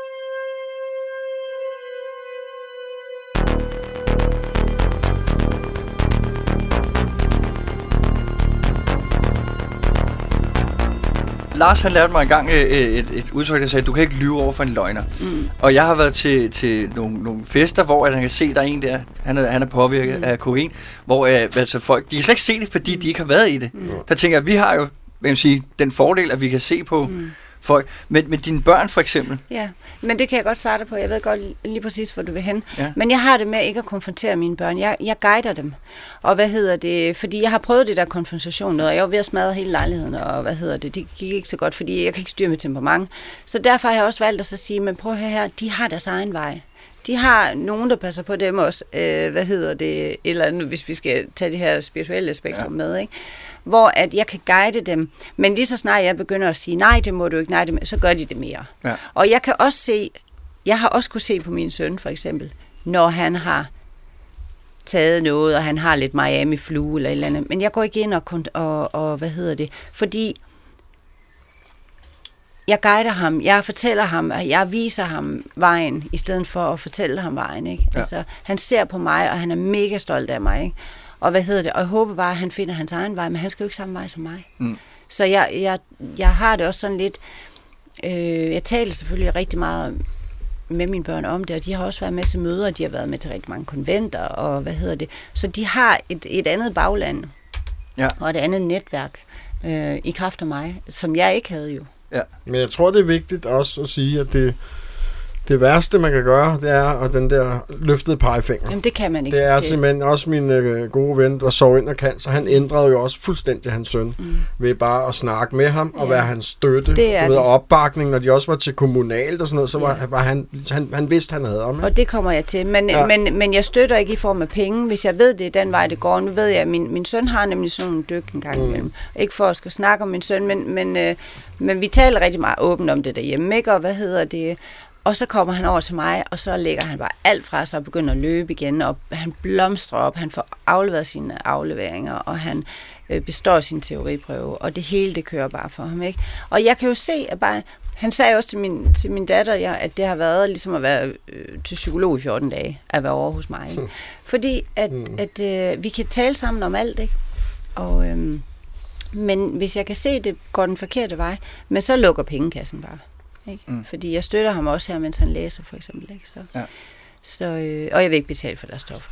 Der sætter jeg en grænse. Jeg har selvfølgelig nogle grænser, ikke? Ja. men, men øh, lige det der med at betale for deres stoffer, det vil jeg ikke. Jeg synes, det er super vigtigt og fedt, at du siger det der med at guide. Det, det, er, det er meget mere konstruktivt, end at sætte ja. den der ja, pegefinger og slå, slå i bordet. Ikke? Men det gør jeg heller ikke. Nej, men det kommer man ingen steder med. Nej, altså, for det, men også med, med, når man tager stoffer, så skammer man sig nok i forvejen. Mm. Så man behøver ikke andre til at gøre Nej, det for en. men man skal også have lov at eksperimentere, ja, fordi han ved jo godt. Ja. Altså nu har jeg ikke, øh, nu har jeg ikke, øh, jeg synes ikke, jeg har de store udfordringer med det. Det har været et par gange, hvor jeg har været en lille smule bekymret, mm. ikke? og så... Øh, men jeg synes faktisk, det lykkes, jeg lykkes ret godt med det her med at guide dem. Og selvfølgelig bliver det slemt, så, tager jeg, så får han et, øh, ja. en sok i munden, du ved, og en, øh, en øh, pose over hovedet, og så smider jeg ham ind bag bilen, og så kører jeg ham på et ukendt behandlingssted. Og længere er den ikke. Øh, men det er jo sidste udvej. Ikke? Ja. Mm. Og heldigvis, de fleste unge er eksperimenterende en periode ja, og retter ind i livet igen automatisk. Ja. Der er ingen af mine børn, der ønsker at gå den her vej, nej, som jeg har gået. De, de har været hårdt nok at se på, at jeg gjorde det. Ikke? Ja. Altså jeg kan da bare huske, fordi da jeg var, jeg var 17, jeg har altid gået sammen med folk, der var ældre. Og der mine forældre kunne helt klart se det, at der var et eller andet, ikke? kommer hjem klokken 6 om morgenen, ikke? og tænder fjernsyn og ligger og med flere timer. Ikke? Der har ikke været noget der. Men det var nemlig, der var ikke nogen, der guidede. Mm. Og jeg, jeg siger ikke, at det var anderledes, men det havde det måske været, mm. hvis de i stedet for sagt, prøv lige, yeah.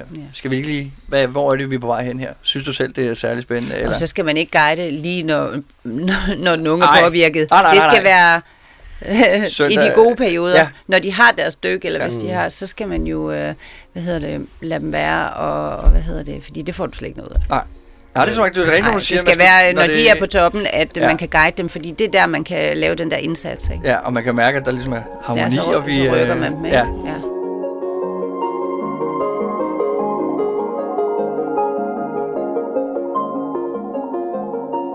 Jeg har snakket med Lars om det her i i januar var jeg på ferie sammen. Det gør min kone og hvert år. Tager vi til Søndervig. Sådan slapper af efter det der julestress og sådan noget. Og der var vi nede på sådan en bondegård, der solgte øh, deres egen varer, altså kød og sådan noget. Og der havde de sådan nogle øh, små flasker med spiritus, men det var sådan en flaske rom til 450 kroner. Det er sådan noget, du ved, det pæne og det fine, ikke? Og da jeg lige der ser den der, så tænker jeg, ej, hvor kunne det egentlig være, være rart, hvis man kunne købe den der, sætte sig hjem i hytten, tænde op i pejsen med en god bog, og så sidde og nyde den her, den her dyre rom, ikke? Jeg har aldrig brugt mig om rom, men så hvorfor, hvorfor dukker den Ja, tanke op, når ja. man er vædru på det tidspunkt i over 6 år, ikke? Hvorfor dukker den op? Men det gør den, og den, den, det, det gør den vel også for dig. Altså, det gør den, du har været 14 år, ikke? Det der er hele tiden skrald på, jo. Ja. Ja. Og der, så nogle gange kan jeg også godt... Jeg, altså, i, i programmet Gaden, da du sagde, det er det fedeste sted at være. Der fik jeg sådan en... Sådan havde det bare. ja, det var fandme det fedeste sted at være. Altså Ja. ja. dengang, ikke? Men der var jeg jo kommet væk fra gaden. Der var Ja, jeg bare nede ja. på et tilbagefald, for Ja. jeg havde siddet i lejligheden tre måneder alene, mand. Jeg var ensom. Jeg var... Det var... Jeg, jeg, ensomhed, det, det er en dræber. Ja. Ja. Altså, det, øh, det tror jeg faktisk, det dræber flere mennesker end, end misbrug, fordi... Øh, fordi det er i hvert fald det, der fører, der godt kan føre til, at man begynder at drikke igen. Ja. Ikke? Og, og jeg savnede sgu mine venner ned fra gaden. Jeg har fået så meget hjælp. Og der er en medmenneskelighed og en næstekærlighed dernede, som jeg ikke har oplevet på Østerbro. Mm. På samme måde. Ikke? Altså da jeg bare lige for at tage et eksempel, ikke? da jeg kommer tilbage og tager tilbagefald og falder om ude på gaden på Østerbrogade, der er ikke en, der kommer hen til mig. Øh, de går forbi mig, og så kan jeg høre, at der er en dame, der siger et eller andet, og så er der en mand, der siger, nej, nej, jeg skal på arbejde, jeg har ikke tid. Mm. Altså, du ved, hvor det vil aldrig ske i Istegade. Nej. Du vil aldrig kunne sulten i seng, eller i seng, men, men du vil aldrig nogensinde... Jeg har ikke oplevet at mangle noget. Øh, Der har altid været nogen, der har været pædagoger, eller der har været de andre hjemløse. Der har været nogen fra uventet kant, øh, der er kommet hen til mig og givet mig nogle penge, ikke? og jeg har også haft folk, der har kørt rundt ned i gaden for at give mig 200 kroner, fordi de ville være sikre på, at jeg fik noget at spise og sådan noget. At spise, ikke? Ja. Men, men altså, forstå mig ret, ikke? og så lige pludselig kom hjem i en lejlighed, hvor der ikke er nogen, der ringer mere. Der er ikke nogen, der skriver til dig, der er ikke nogen, der ringer, man må ikke tale med de gamle, og man har ikke fået etableret et nyt netværk. Det er æder med en hård overgang, synes jeg. jeg Der skal man altså have ryggrad for Ja, at det bare skal sige, man altså, undskyld og- sprog, men fuck det her. Ja. Det her liv, så vil jeg hellere have ja. et lorteliv med folk omkring mig, Ja. tror jeg. Det er benhårdt at komme Det er ud af. benhårdt Og det er også det, jeg prøver også på de byvandringer i går. Mm. Altså, hvorfor fortæller jeg om en overdosis? Jamen, det er benhårdt øh, kæde, man har i sjælen. Og det er og det anden... er bare ikke lige at stoppe. Nej, det er det ikke. Bare, Og jeg da kender jeg, ikke nogen, der ikke vil stoppe. Men Lars, da jeg så også tog noget hjemme i min lejlighed, ikke? også, så ligger jeg kraftet med at ved at dø af en overdosis hjemme mm. i min lejlighed, fordi der er ikke nogen mennesker omkring mig. Ja. Og det er jo der, vi også har mistet nogen på den konto. Ikke? Det er fordi, når de først kommer hjem i deres lejlighed og, så, og sidder og tager noget, hvis, hvis der er jo ikke nogen til at finde dig. Øh, så derfor er det også, har det også været meget mere trygt for mig at være på gaden. Fordi jeg vidste, hvis jeg havde taget for meget, så er der altid nogen, der finder mig. Ikke? Ja. Og det er jo, ja. Så derfor søger man nok tilbage, tænker jeg. Ja. Til, til, til der, hvor det er trygt, ikke? Jeg har Og der- altid haft noget, der har tiltrukket mig mod det mørke og dybe mm. og destruktive. Og hvis jeg ser en slåskamp, så lige før jeg tænker, gud, hvor trygt. Har jeg, har jeg strøm på telefonen, så jeg kan optage det også, du ved, ikke? Og sådan noget. Men altså, så har jeg bare noget andet, der går en anden vej i dag. Ikke? Men jeg har altid været søgt tiltrukket af det dystre og det mørke. Ja. Det er jo sindssygt farligt at være dernede, og især som kvinde om natten. Ikke? Det, det kan vi ikke komme udenom. Men der er også bare så mange kærlige mennesker, der arbejder dernede og brænder for at hjælpe sådan nogen som os. Ikke? Og hvad hedder det? Og det var svært at, at sige farvel til, fordi ja. man siger farvel til noget, men man har ikke noget andet at sætte i stedet for. Vel? Og hvad har du så sat i stedet for? Nå, men altså... spørgsmål. Ja, hvad har jeg sat i stedet for? Jamen, jeg startede med at lave kæmpe oprydningsarbejde øh, i forhold til mine børn og min familie. Og så begyndte jeg at melde mig ind i nogle fællesskaber igen, som jeg egentlig havde meldt mig ud af, fordi jeg var egentlig lullet mig ind i, at det var en sekt, og jeg skulle ikke gå til de der møder. Og der, jeg, så jeg kan godt forstå de der... Lige så snart man træder lidt ved siden af i de der fællesskaber, så kan man godt starte med at, at føle, at man ikke hører til. Og det er jo også den der, der snakker igen, ikke? Og hvad hedder det? Og de er jo lige så søde og rare, når man kommer tilbage, som de altid har været. Men du skal tænke på, at min vej har jo været rigtig lang, og hver eneste gang, jeg skulle komme ind og fejre første clean dag, så sad jeg bare der, åh oh, nej igen, ikke? Og skammen, den, mm. du ved. Og til sidst, så holdt jeg simpelthen op med at komme der, ikke? Og, og så tog jeg mod til mig og begyndte at komme der igen, og jeg tog faktisk... Øh, det blev lagt i min jobplan plan på jobcentret, at, øh, at jeg skulle, øh, som en del af min helbredelse, skulle deltage i de møder. Og så, så fik jeg nogle kvinder ind i mit liv igen, som jeg kunne ringe til, når det brændte på. Ikke? Ja. Og det har været rigtig vigtigt. Fordi I var jo også et team dengang for behandlingen. Vi var tre, vi var fire Ja. jo, og der er tre af os, der lever i dag, ikke? Ja. Og stadig er clean, og så er den ene er såret ind af cancer, ikke? Men vi var jo fire, I var jo også sådan, Vi var seks, ja. I var seks powerpiger, ikke? ja. Jeg mødte den ene forleden dag i gået- bussen, som også har fået nogle børn. Ja, ja. Hvad hedder det? Hun er skøn. Hvad hedder det? Nu har jeg nogle andre powerkvinder, som Ja. ja. jeg så har været i behandling med den her gang. Ja. Og dem elsker jeg bare. Altså, det er... Men, men når det så er sagt, så har jeg jo så også... Det er jo de der hjørnesten i fundamentet, ikke? Så har jeg fået et job. Så fik jeg et job mere. og så... Øh, ja, jeg, øh, jeg er fyldt op på, med alt muligt godt. Øh, så jeg går faktisk øh, glad i seng de fleste, de fleste aftener. Ikke? Det er jo fantastisk. Det er dejligt. Ja. Øh, skal vi, kan vi ikke tage en lille... Ja, sådan en lille er det okay? Ja.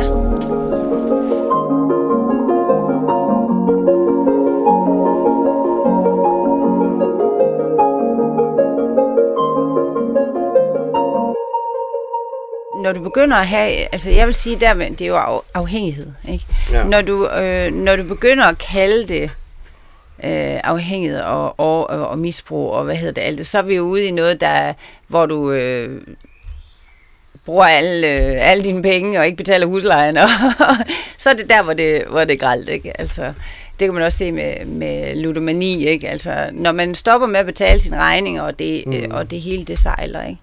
Indtil da, så kan man jo godt være velfungerende stofbruger, ikke? Altså, eller alkohol. Altså, der er der mange Nå, mennesker. jamen, jeg- der er der er to faktisk- millioner mennesker her, der drikker rødvin, i hvert fald i Danmark, ikke? I weekenden. Jeg er faktisk altså, altså, sådan mere og mere enig i det, faktisk. Fordi jeg kan godt se, når man bliver ved at sige noget, det er også, der er også forbundet ja. med noget skam i det, ikke? Du, du, hvad var det, du sagde? Du havde justerings... Nej. nej, doseringsproblem. doseringsproblem, ikke? Jeg er overdoseret Ja, jo, og ja. øh, kunne ikke rigtig finde Ja. ud af, og hvad hedder det, mm. Og så Ja. er den tippet. Ja. Altså, jeg synes, at vi skal lade være med at skamme hinanden ud i forhold Ja, til det ja. der med, det handler om livskvalitet, det handler om trivsel. Ja. Fordi, øh, altså, jeg har også venner, der drikker rødvin i weekenderne. Altså, hvad hedder det? Skal jeg så også lige pludselig lade være med at snakke med dem? Men det gør jeg, altså, forstå mig ret, men, men de har ikke et problem med at drikke rød, eller med at lade være med at drikke rødvin om mandagen. Altså, ikke? Det så er har de jo også, ja, en stø- så er de jo med, også en ja. misbruger, ikke? Men det er de jo ikke. vel? Jeg synes, vi har meget travlt med andre mennesker nogle gange, ikke? Og, og, Ja. og jeg, jeg synes bare, at den eneste, vi kan forbedre noget, det er hos os selv. Ja. Hver eneste dag, der står jeg op, og så prøver jeg på at blive den bedste version af mig selv. Ja. Det er det eneste, jeg kan lave om på her i verden. Men jeg har også fundet ud af, at når jeg gør det, så ændrer tingene omkring mig. Altså, ikke? Hvis jeg lige må komme med et hurtigt eksempel. Da jeg blev clean, ikke? Da, min mor har været bekymret for mig, jeg ved ikke hvor lang tid. Lige pludselig så fik hun simpelthen så meget tid. Ikke? Altså, så kunne hun begynde at bekymre sig om nogle andre ting. Ikke? Mm. Og lige pludselig så er vi helet som familie. Og hele familien snakker sammen igen, og de ikke snakket sammen flere år. Ikke? Fordi at, øh, altså, det er bare en af de der små ting, der er sket. Ikke? Men man kan også se, hvor meget et misbrug det egentlig kan skade. Ja. Det er det, Altså, det, er jo samme, ikke, det er jo ikke kun Nej. Men, men jeg kan jo ikke gå ud og reparere alle deres relationer, Mm. men jeg kan sørge for, at jeg holder mig clean, og så kan de øh, Ja. få tid til noget andet. Ja. Ikke? Altså på den måde. Ikke? Jeg står op hver eneste dag, og så tænker jeg på, hvordan kan jeg være den bedste, bedste version af mig i dag? Og det er øh, 3,0, ikke? Der har været nogle øh, versioner før, ikke? Er det svært i dag at komme i behandling? Ja, Ja. det er det. Det er også meget an på, hvad for en kommune du er i. Og Ja. det er, altså i dag har man det, man skal være motiveret. Ikke? Og det, jeg tror, mange kunne komme i behandling og få et godt liv, hvis de kunne gå ind på et misbrugscenter og sige, nu vil jeg i behandling, vi kører nu. Ved du hvad, jeg tror ikke på, at man, hvis man er, man behøver ikke at være så langt ude som mig, men jeg tror på, at øh, man skal søge hjælp så hurtigt som muligt, Ja. ja. og det kan, det kan man kun i en behandling, Ja. fordi du bliver nødt til at få, få nogle andres øjne på, hvad det er for nogle ting, der spænder ben for dig, fordi hvis det er, at vi selv kunne løse dem, så havde vi jo gjort det, ikke også? Det er godt kan sagt. Ikke, ja. Ja. Det er rigtig godt sagt, fordi det, det er jo, man skal ind og, hvad nu, og opdage, der er andre som en selv, og man Der er ikke nogen, har... der bliver nødt til at gå ind Ja, og hjælpe ja, med det her, ja. fordi jeg havde så mange lag af benægtelse Ja. på, og, og det har taget mange behandlinger at komme, at komme herind, hvor jeg, og hver gang lærte jeg noget nyt, Ja. ja. og hver gang jeg sagde, okay, så prøver jeg det her, men det der, det skal ikke rydde ved, du ved ikke? Indtil det der, det så stod i vejen, så jeg endte med at tage noget mm. igen, ikke? Nå, okay, så kigger vi på det der, men I skal ikke pille ved det der, du ved, og der har hele tiden været nogle forbehold. Mm. Og, øh, og, og det tror jeg, det havde jeg bare ikke til sidst. Der var ikke nogen forbehold. Så bare fortæl mig, hvad skal jeg gøre det. Jeg lagde mig fladt ned. Ikke? Mm. Jamen, jeg prøvede nogle gange jo at komme i behandling. Så sagde de, jamen, vi skal lige uh, visitere dig. Og sådan noget. Så gik der to-tre måneder nogle gange. Ja. Nu kan du komme i Det er behandling. mange år siden. Du har været Det er mange år siden, ja. Ah. Sådan er det ikke mere. Okay, men så er det sådan noget Ja, med, at det har lige været den første, Ja, ikke? Tænker sådan, ja, men det, det er ikke sådan, Nej, så nemt med at komme i behandling. øh. Jamen, dengang gik, så der ja. gik det et par måneder, hvor jeg skulle vise, at jeg var motiveret til at Mm. komme. Og du ved, og hvis de havde sendt mig afsted, der stod der, Ja. så har det været noget andet. Så gik der jo et par måneder, så har det lige været den første. Det er jeg også tænker, det. Så havde jeg ikke så stort problem alligevel. Men kunne man bare få noget straksbehandling? det, Fordi jeg jeg, var også motiveret mange gange. Ja. Øh, altså, jeg havde også øh, 10 dage, hvor jeg var indlagt ude på Hvidovre, mens jeg boede på gaden. Og i de 10 dage var jeg ædru. Og jeg, og jeg fik den der tilbage, gud mand, hvor er det fedt at være ædru. Mm. Og så når jeg lige ned på redden igen, og jeg er faktisk på redden i to dage uden at drikke, og alle var sådan, yay, du ved, var det godt. Og så, og så tredje dag, men så regnede det, jeg kunne ikke rigtig huske, der var et eller andet, ved ikke, og så Mm. kørte den igen, ja. ikke? Men altså, havde jeg kunne få hjælp der, fordi der var jeg virkelig motiveret. Men igen, jeg var også blevet så pisse fornærmet over, jamen, hvad nytter det? Altså at tage behandling. Jeg har prøvet at tage behandling, og så være der 14 dage, og så sige, prøv her, jeg gider ikke at være her, det nytter ikke noget, det er spild af penge, fordi jeg kommer ud til gaden igen, jeg har ikke noget sted at bo. Så hvad skal jeg, hvad skal jeg lave her? Altså, hvad er det, I vil? Ikke? Hvad kan man gøre anderledes i dag? Altså, som ville have hjulpet dig der, hvor du tænker, det kan være lige meget det her. Jamen, altså, man skulle i hvert fald have haft en plan for bolig. Ja. Et Ja. eller andet sted, hvor jeg kunne komme hen bagefter. Ikke? Ja. Men det var også uheldigt. Jeg var også i en, i en øh, dagbehandling med et botilbud, øh, hvor de så drejer nøglen. Ikke? Ah, Okay. okay. Og så, og så øh, der havde jeg faktisk 8 måneder clean. Ikke? Ja.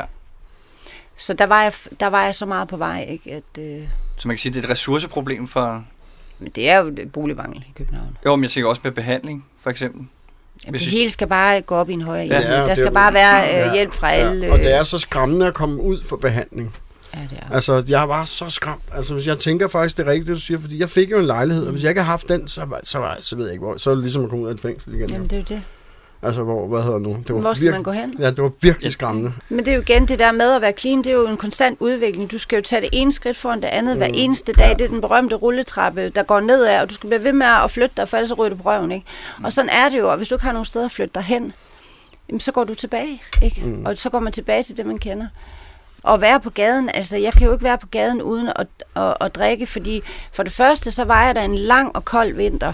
Altså jeg skulle have mit vodka for at holde varmen, mm. ikke? Og, og hvad hedder det, og så også til at kunne øh, overvinde den der frygt der, og for, for de andre, der var dernede. Ikke? Jeg var også enormt bange nogle gange, ikke? Og, men det mærkede jeg ikke, når jeg drak Nej. vodka. Så skulle de... Jeg tænkte også, søde Mette Ja. for Sæby Mm. af et i Istegade. Det må have været hårdt. Altså, du må virkelig have været... Jamen, så sød har jeg ikke været, Lars. Nej, det ved jeg men, godt, men du ved, hvad hedder nu... men så var altså, jeg... Det var sådan, vi så dig, så, også der var i behandling. Ja, så pudsede vi lige glorien. Ja, ja, ja. Men, nej, På med mascaraen og så... på med mascaraen og, Og krøller i håret. og sådan, Og så, ja, ja, ja. og så har jeg Ja. jo faktisk altid klaret mig, for jeg har jo Ja. faktisk øh, haft Marilyn Monroe-krøller, i, så det var 18. Ja. Øhm, så så de, de, de har sgu fået mig mange steder hen. De, ved ikke. Ja. Øhm, og har reddet min røv mange gange, tror jeg. Man siger, du kommer, altså, du har været man siger, to forskellige steder. Du har været helt op, hvor du selv siger, at du har lært at spille trommer af Elton John og hængt ud med, det, øh, var det Bon Jovi, Ja. til at så ende ja, på Istegade. Mm. Det, er jo, det, er jo, det er jo milevidt fra hinanden. Vil du sige, at det var dit, altså stoffernes skyld, at det gik hvad skal man sige, så galt? Eller? Ja, det Ja. var der, man kunne købe stoffer, Ja, ja. ikke, når man ikke ved, hvor man ellers skal gå hen. øh, det lærte jeg jo, efter at have været der en gang. Ja. Og du kæmpede for at komme i behandling, ikke? Jeg Altså, det- kæmpede det var for at komme i handling. Og det er jo ikke sådan i Danmark, man bare kan komme i behandling. Altså, jo, det kunne jeg sådan. Altså, det vil Ja. ja. så sige, det her med at kæmpe for at komme i behandling, det er så fem år siden, Ja. hvor, hvor at gadejuristen måtte hjælpe mig. ja, Ikke? ja. Alfa København er et øh, behandlingstilbud, som jeg er tilknyttet. Mm. Øh, og det er dem, der har hjulpet mig rigtig meget. Øh, og gadejuristen er øh, jurister, der arbejder med hjemløse nede i gaden. Og, øh, og uden dem, så var vi øh, på skideren, for at sige det mildest talt. Altså, det er dem, der går ind, når man ikke selv har ved, hvad man har ret Ja, til, og kæmper selv- for ja, din ret. Ikke? ja. Ja. Ja, det eksempel, og mange, ja, mange, mange, mange, mange flere. andre Ja, ting. ja. Altså, jeg kan slet ikke, de er uvurderlige. Mm. Ja. De fleste derinde, der er der med socialancen, der kører rundt Ja. og, Jamen, de jo, og hjælper folk. Det er frivilligt, og så kan der komme en organisation ind, hvor de også får lidt penge for det, så det Ja. giver mening. Ikke? Men det er mennesker med et godt hjerte, Ja. der egentlig hjælper, som Ja. egentlig aldrig måske selv har haft noget misbrug ind på livet, faktisk. Det er det, der er fantastisk. de er ja. ildsjæle ja. på gaden, og uden dem, så ved jeg simpelthen ikke. Det er også dem, der går ind og kæmper for at uh, harm reduction og få ren nåle til dem, der har brug for det, og Mm. øh, de har også været enormt øh, støttende her i coronatiden. Ikke? Mm. Og så er der jo de her sager lige nu, der med, at folk bliver stoppet øh, og kriminaliseret ikke? Og med deres altså eget forbrug. Ikke? Ja. Og så videre, og så videre. Så hvor er du i dag? Altså Ja. nu?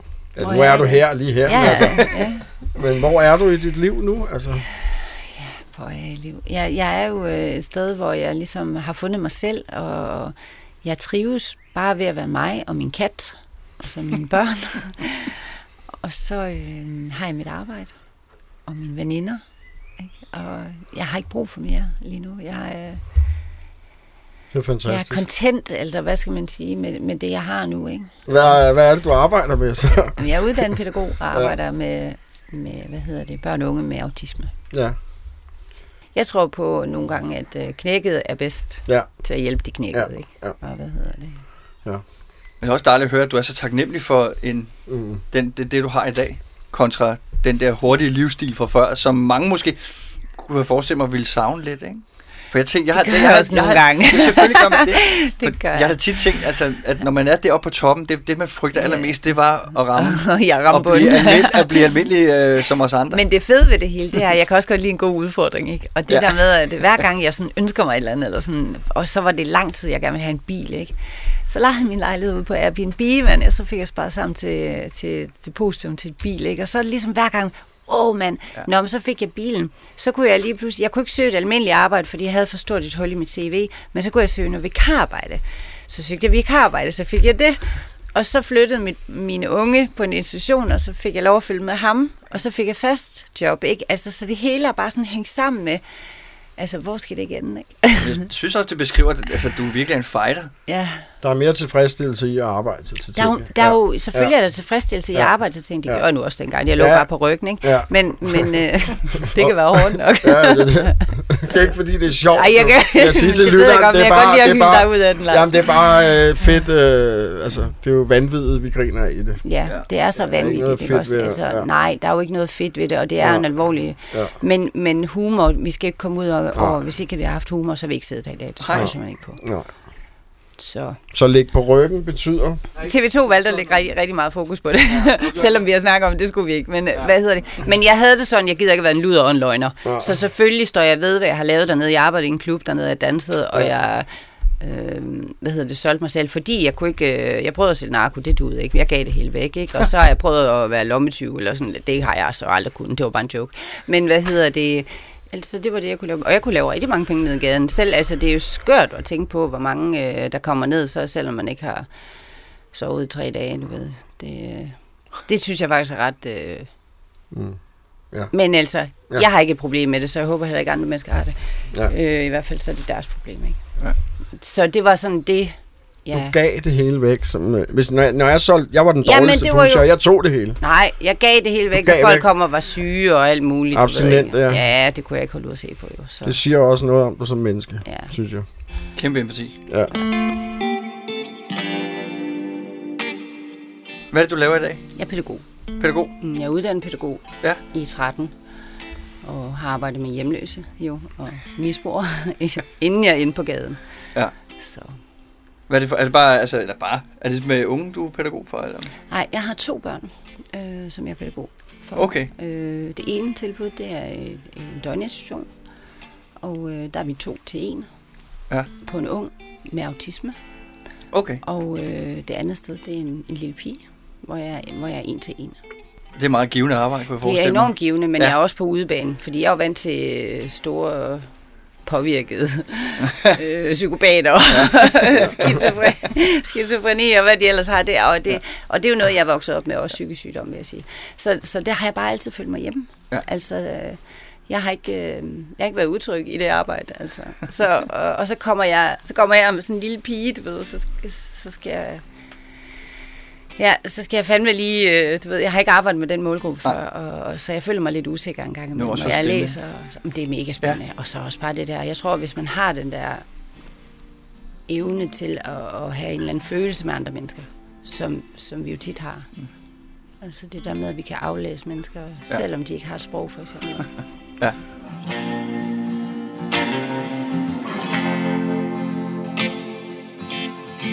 Nå, Jamen, vi har, vi har, øh, så er vi ved at være ved vej. vi er ved at være der, Ja. og vi har øh, to spørgsmål, som vi lige sådan slutter af med. Øh, hvis du kunne tage tilbage til da du var 10 år gammel, hvad vil du sige til dig selv? Det skal nok gå. Det gør det altid. Stærkt. Og så øh, den sidste, det er, hvilke tre ting vil du tage med på en øde ø, som den gamle version af dig, og som du er i dag? Skulle jeg tage Ja. tre ting med fra den gamle tid? Ja, hvis du Ja, skulle på en altså, øde ø. da du var aktiv. Jeg savner, jeg savner den der øh, med det der, der bare kunne danse på bordene og være fandenivoldsk og sjov og, og ja, øhm, hende kunne jeg fandme godt lide. Og hun er sådan lidt mere gennem væk af vejen nu, ikke? Ja. Jeg bliver lidt generet nogle gange og sådan noget, og jeg danser absolut ikke på bordene lige nu, så... Øhm, så den der personlighed, sådan, som jeg havde i gamle dage, ja. den kan jeg godt savne lidt at være. Godt svar. Ja, ja, det er det da. Øh, Men hvis du så i dag skulle tilbringe tid på en øde ø, Ja. hvad for tre ting vil du så tage med i dag? Netflix. og øh, nikotintyggegummi. og Facebook. Og Facebook. Ja, fedt. Så er man da underholdt. Ja, Ej, men prøv her, jeg, kunne, jeg, havde, jeg ville jo have sagt mine børn, men det ville jeg fandme blive træt af, at de ville sidde og snakke hele tiden, ikke? Kommer jeg Hvordan fanden skal jeg underholde dem på en øde ø? Ej. nej, nej, nej. nej. Men altså, Netflix og Facebook, så kommer man fandme langt i dag, ikke? og så min nikotintyggegummi, ja. Ja. det kan jeg simpelthen ikke leve uden. Så. Jamen, så er vi vej sende. Det Vi vi. takker dig med det. Ja, vi, Fedt, du gad at være med. Ja, Fortæl det var så lidt, der har været rigtig, rigtig sjovt. glad for, Det var ja. det har været super hyggeligt. Vi er virkelig glade for, at du har givet tid til det. Og vi er tilbage igen næste gang med en øh, ny gæst.